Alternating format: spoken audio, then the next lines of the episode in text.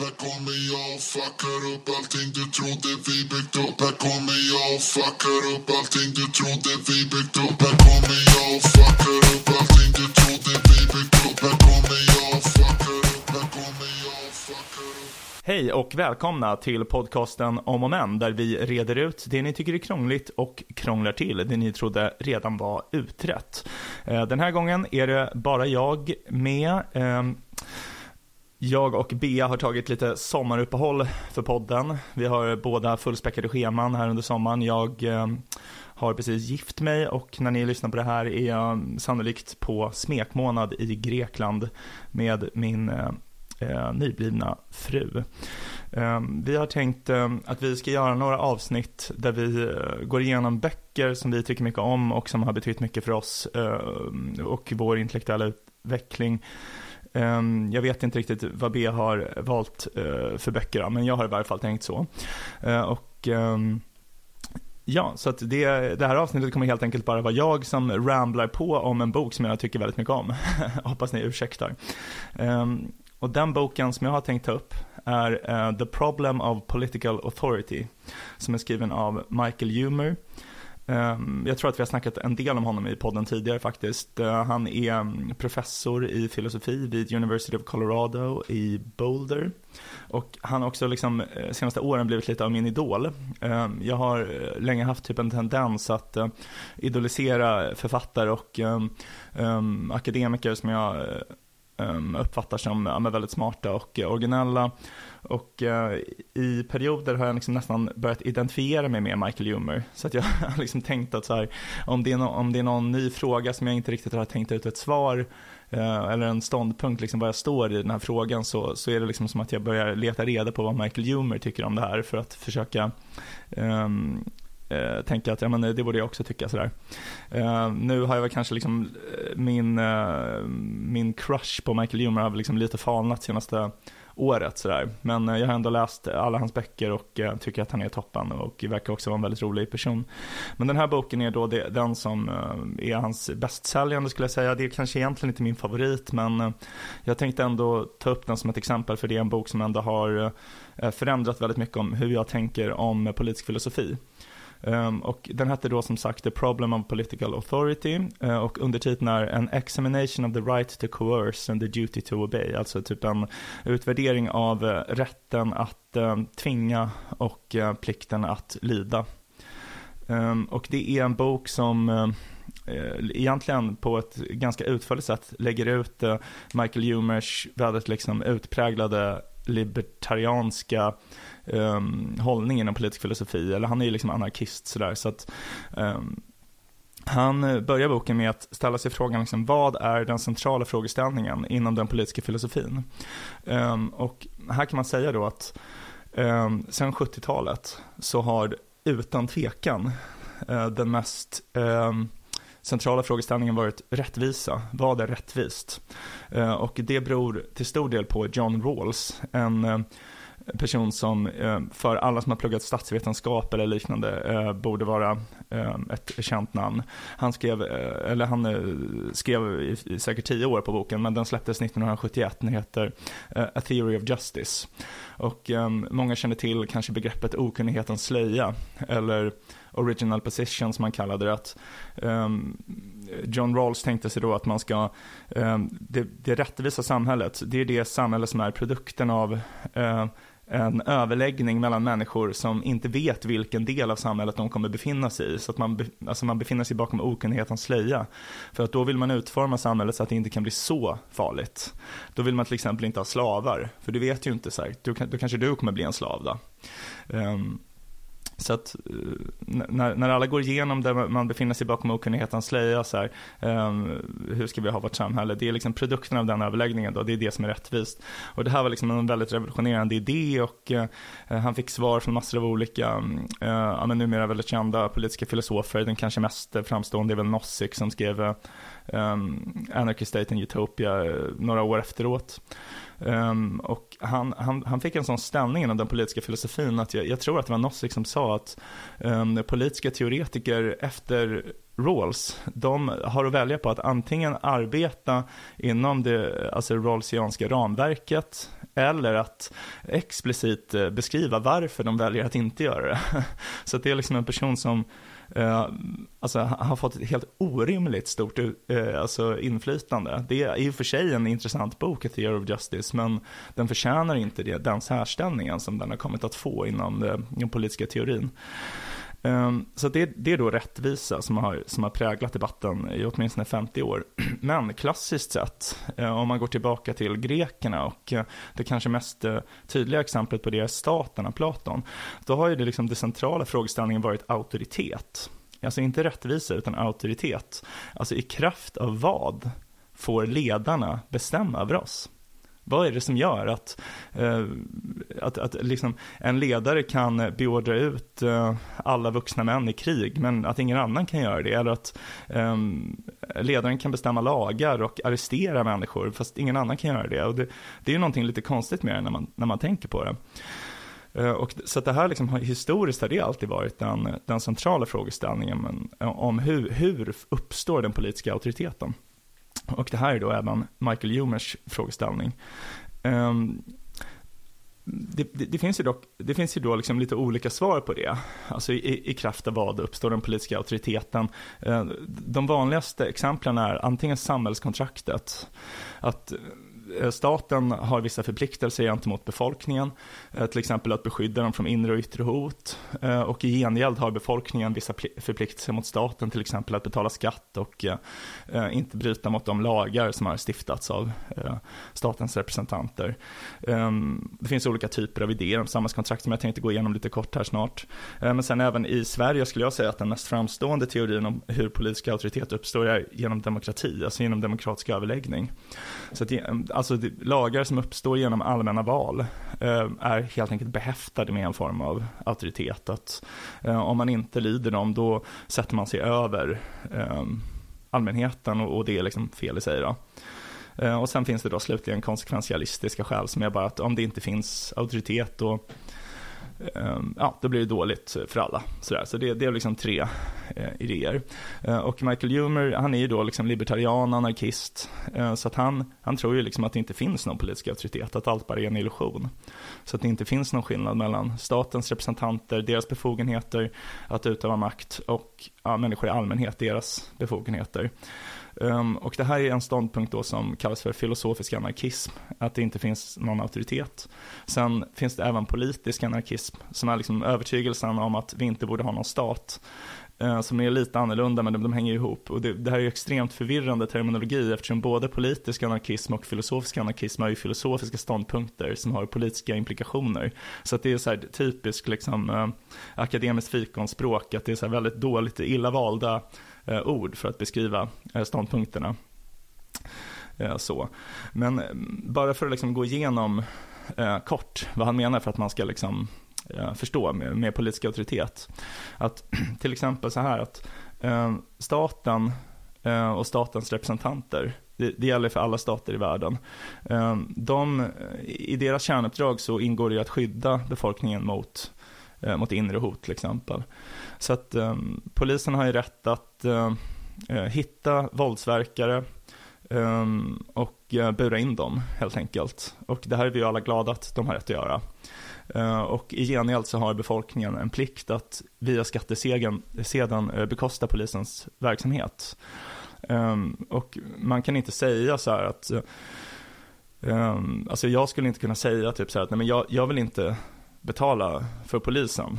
Alltså, jag, jag, ni, ni, kan ta bort det och ni, ni, behöver inte skydda mig för det är ingen som är ute efter mig. Så att, eh, jag vill inte bekosta det utan det är liksom inte frivilligt utan ja, så.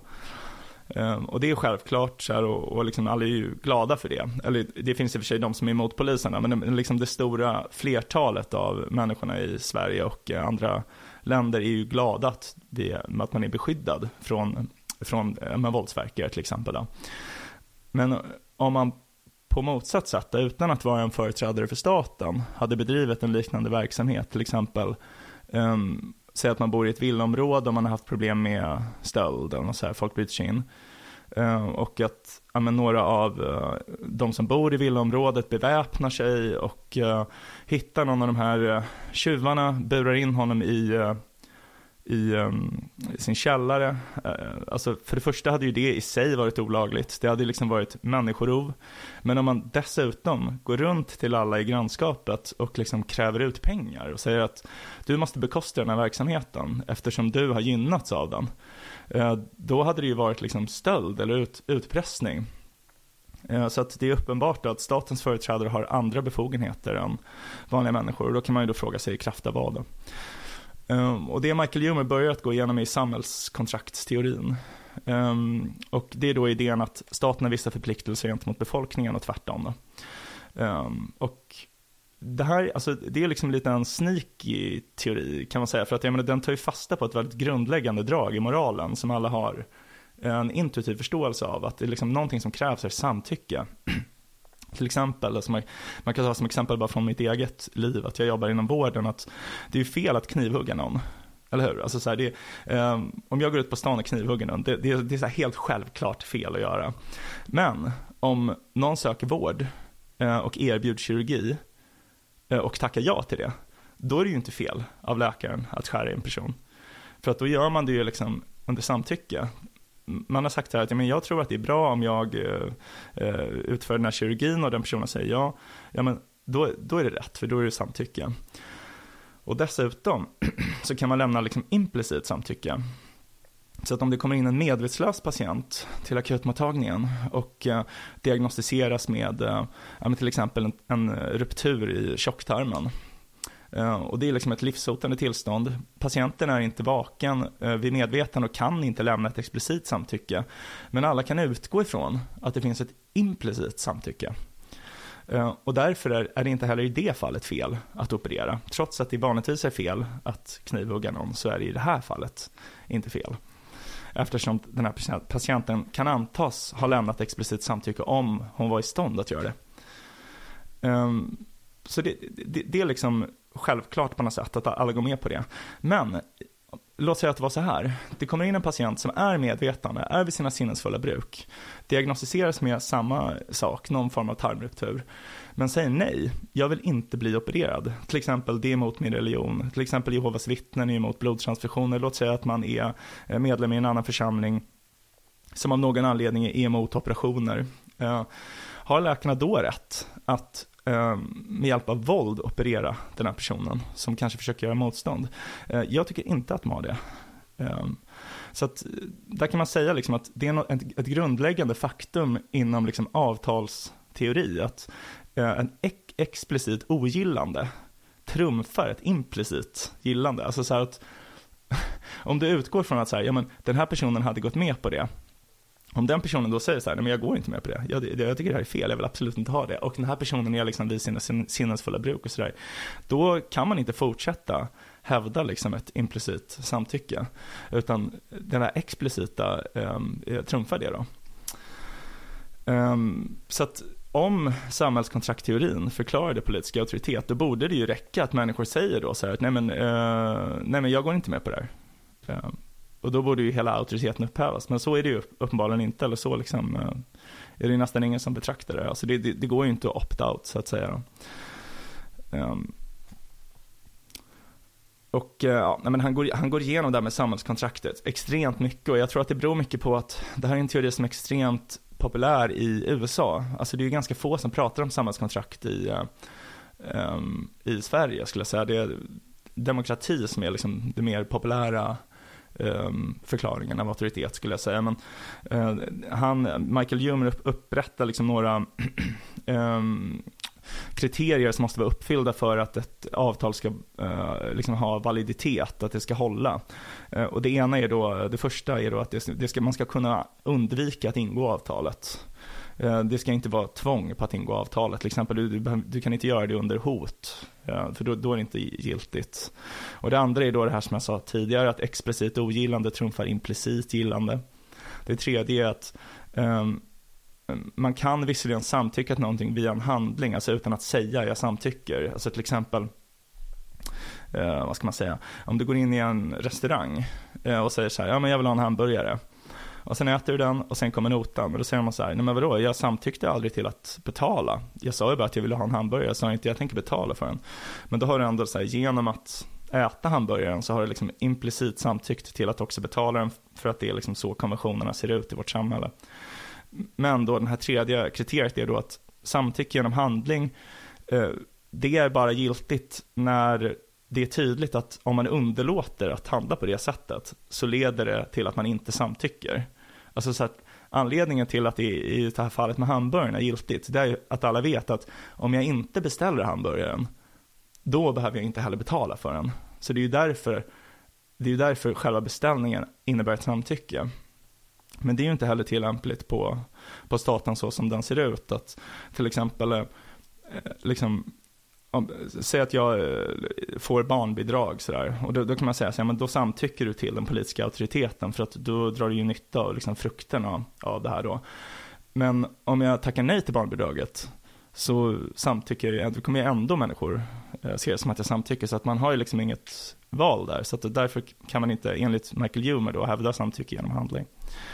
Eh, och det fjärde är då att ett, eh, den fjärde principen för validitet i avtal, det är då att det finns dubbelsidiga förpliktelser, att det, staten har vissa förpliktelser gentemot mig. Och då tar han olika exempel på hur staten har misslyckats genom att uppfylla sina kärnuppgifter. Och det här kanske, jag vet inte, Alltså det, för mig är det de svagaste argumenten. Det, det är ju svårt, alltså jag menar, man kan ju aldrig vänta sig att staten gör allting helt perfekt. Liksom. Ehm, men samtidigt kan man ju tänka sig då att om, om man blir utsatt för något brott som staten hade kunnat Eh, förhindra, att man då borde behöva betala mindre i skatt om det verkligen var liksom ett uh, bilateralt avtal. Uh, sådär. men det, det känns ju som en helt galen idé, liksom, och vilket tyder på att det inte det inte är riktigt ett avtal på det sättet. Så det är då liksom den första av de tre förklaringarna, samhällskontraktteorin. Och den andra är då demokrati, alltså att man genom allmänna val där alla har en röst, alla är liksom likvärdiga deltagare i, det här, i den här omröstningen. Eh, resultatet av den har helt enkelt politisk auktoritet. Eh, och då tar de som exempel eh, en barnota då, att man eh, man är ute med några kompisar, man är ute och äter. Eh, och man har trevligt tillsammans där, men eh, när kvällen börjar närma sig sitt slut så uppstår en diskussion om hur man ska betala. Um, och du eh, föreslår att alla ska betala för sig själva. Alla betalar för sin, egna, för sin egen mat och sin egen dryck sådär. Um, någon föreslår att alla ska splitta. Ehm, man splittar notan på lika många gäster, på det antalet gäster som man är liksom. Um, men sen är det någon som föreslår så här, nej men jag tycker att uh, du ska betala allt. Du ska betala för alla. Och du tänker så här, men det här låter ju orättvist. Eh, det blir jättemycket pengar för mig och ingen annan behöver betala någonting. Eh, så du säger nej, eh, jag vill inte betala. Men då säger den här personen bara, ja ah, men vi kan ju rösta om det. Ehm, och så röstar de och ehm, Ja men eh, tyvärr då för dig så röstar alla för att du ska betala utom du. Så att ehm, då är då frågan, har de rätt att ta pengar från dig med våld? Och de flesta säger nej. Och då är då frågan, så här, vad är skillnaden på vår demokrati, Ehm, alltså moderna staters demokrati och den här liksom så kallade demokratin, eh, citat demokratin då, eh, vid, ehm, alltså när man ska betala krognotan. Um, och jag menar, det är uppenbart att det finns massor av skillnader. Um, det är ju inte så att Michael Humer tror att det är så här demokrati uh, går till, utan uh, det är, alltså jag menar, en, en, någonting till exempel är ju liksom att det måste, man måste kunna ange skäl och liksom uh, um, argumentera om det här, att det, det, finns liksom en mer utförlig överläggning och det är liksom ett offentligt samtal och sådär. Men eh, det är ändå ganska svårt att visa varför man bara genom majoritetsbeslut ska kunna liksom eh, tvinga minoriteter att genomföra vissa handlingar. Alltså i, i moderna demokratier så um, pratar man ju också ofta om ja, till exempel minoritetsskydd. Så att uh, majoriteten har inte rätt att fatta vilka beslut som helst om Eh, en minoritet. Och det här är ju någonting som ifrågasätts av eh, ja, till exempel högerpopulister och sådär. Att eh, det är många sverigedemokrater till exempel som tycker att vi, vi i Sverige inte riktigt är en demokrati eftersom vi har så mycket liksom, rättighetsskydd och sådär, minoritetsskydd som inskränker det de uppfattar som folkviljan. Um, så att det, det är liksom den, den, typen av begränsningar tycker vi är bra. Jag tycker verkligen att det är bra. Liksom. Men eh, fr frågan är då liksom, om det är bra, varför tycker vi då så mycket om demokrati? Alltså liksom, var ska man dra gränsen? Det blir väldigt svårt. Michael Humer menar då att ett demokratiskt beslut egentligen inte ger någon som helst vikt. Alltså det man, det man kan säga om demokrati dock, och det är det jag tror är anledningen till att demokrati har så oerhört bra rykte i Sverige, det är att alltså det, det är så otroligt mycket bättre än de andra alternativen som har provats. För att jag menar om Alltså säg att liksom det svenska riksdagen föll, helt plötsligt hade vi inget demokrati i Sverige. Det som skulle hända är ju inte liksom att människor får bestämma över sig själva. Utan det som skulle hända är ju liksom att eh, det skulle komma någon auktoritär ledare och ta över. Så att jag menar det är ju, alltså om man tänker liksom så alternativkostnaden för att avskaffa den så är den extremt hög. Alltså menar det är, det är ju eh, det är ju det bästa som har eh, provats. Men frågan är liksom eh, om det verkligen ger politisk auktoritet. Även om vi säger att vi ska ha demokrati för att det selekterar fram ledare som bryr sig om hur de blir uppfattade av befolkningen. Och inte bara ledare som är liksom mobbare och våldsamma och liksom krigshetsare. Även om man tycker det så kan man ju fråga sig om det verkligen ger politisk auktoritet. Att en demokratiskt vald ledare Eh, den personens påbud har vi en plikt att följa bara för att de är demokratiskt valda, alltså inte för att de är bra i sig. Eh, jag tror kanske egentligen inte det, även om eh, man kan vara för demokrati.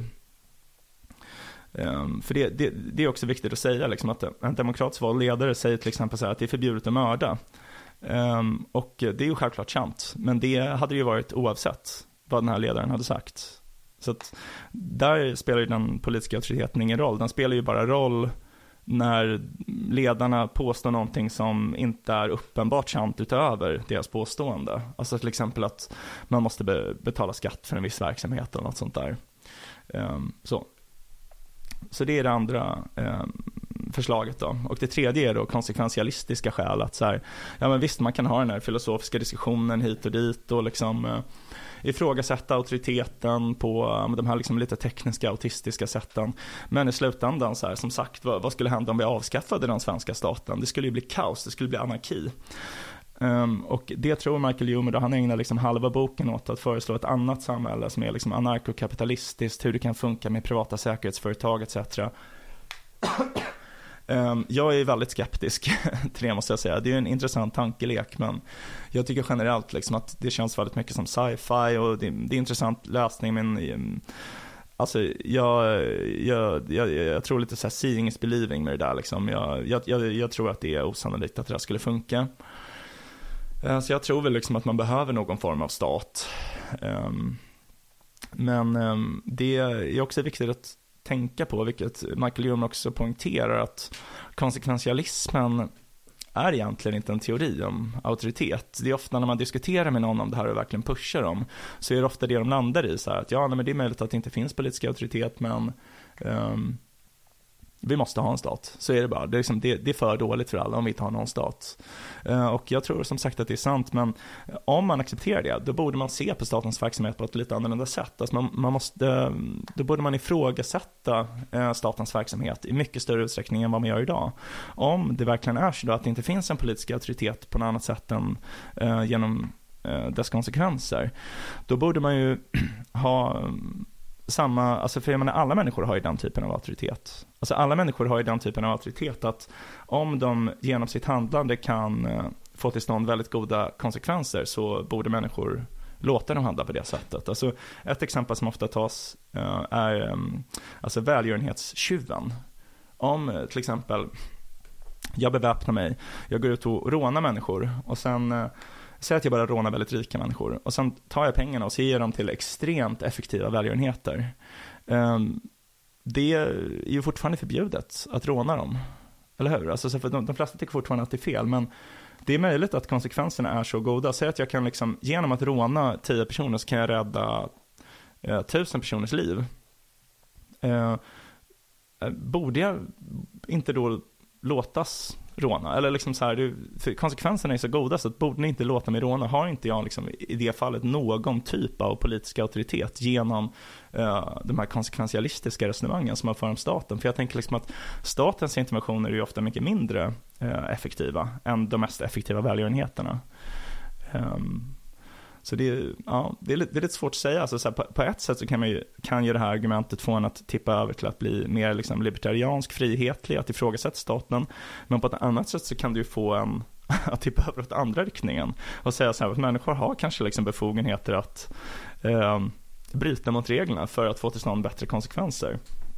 Jag tror liksom att Alltså det är möjligt att det i någon mening är sant att människor har större befogenheter än vad man tror, vanliga människor. Men jag tror att det är extremt farligt att tänka så samtidigt. Alltså det är något som kan förklara till exempel den här Sam Bankman-Fried och liksom FTX-kraschen som B och jag har pratat mycket om i podden. Att människor som tror liksom att de har moralen i ryggen, eller liksom som man tidigare trodde att det är så här, vi har Gud på vår sida, de blir extremt farliga för att de ifrågasätter aldrig sin egen befogenhet.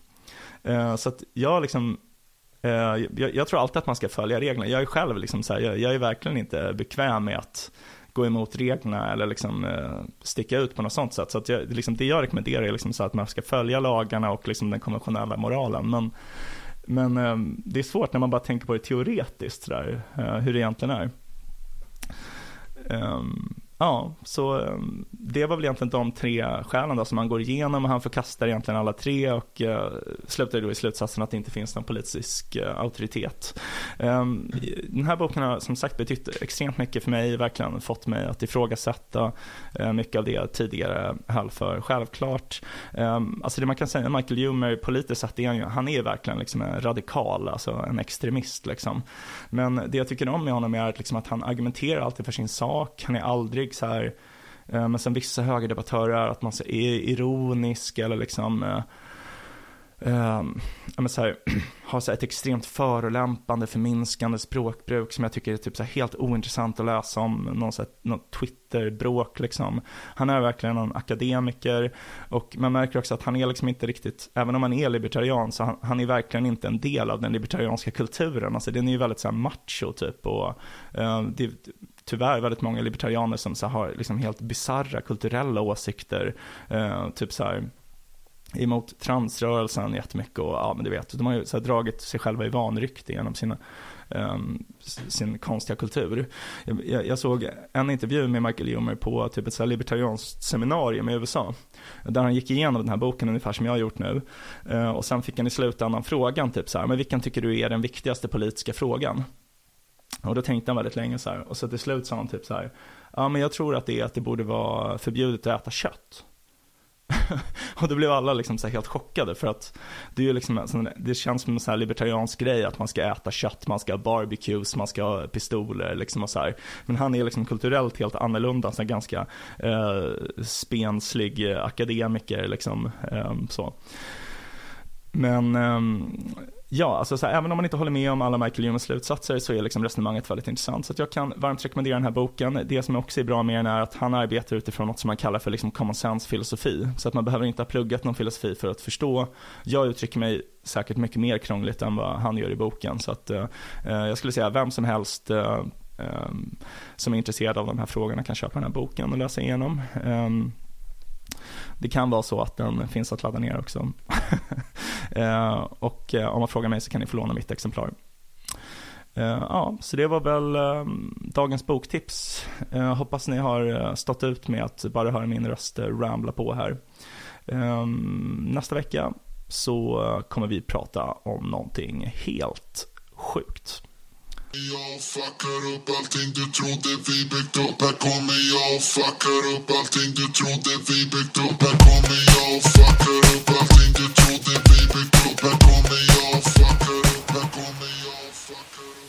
vi har en mejladress, om och men, at gmail.com om och men gmail.com. Hör gärna av er om ni har några förslag på ämnen vi kan ta upp i podden eller om ni undrar något. Vi kommer att svara på alla mejl. Tack för att du har lyssnat. Vi hoppas att du vill lyssna även på nästa avsnitt som kommer på måndag.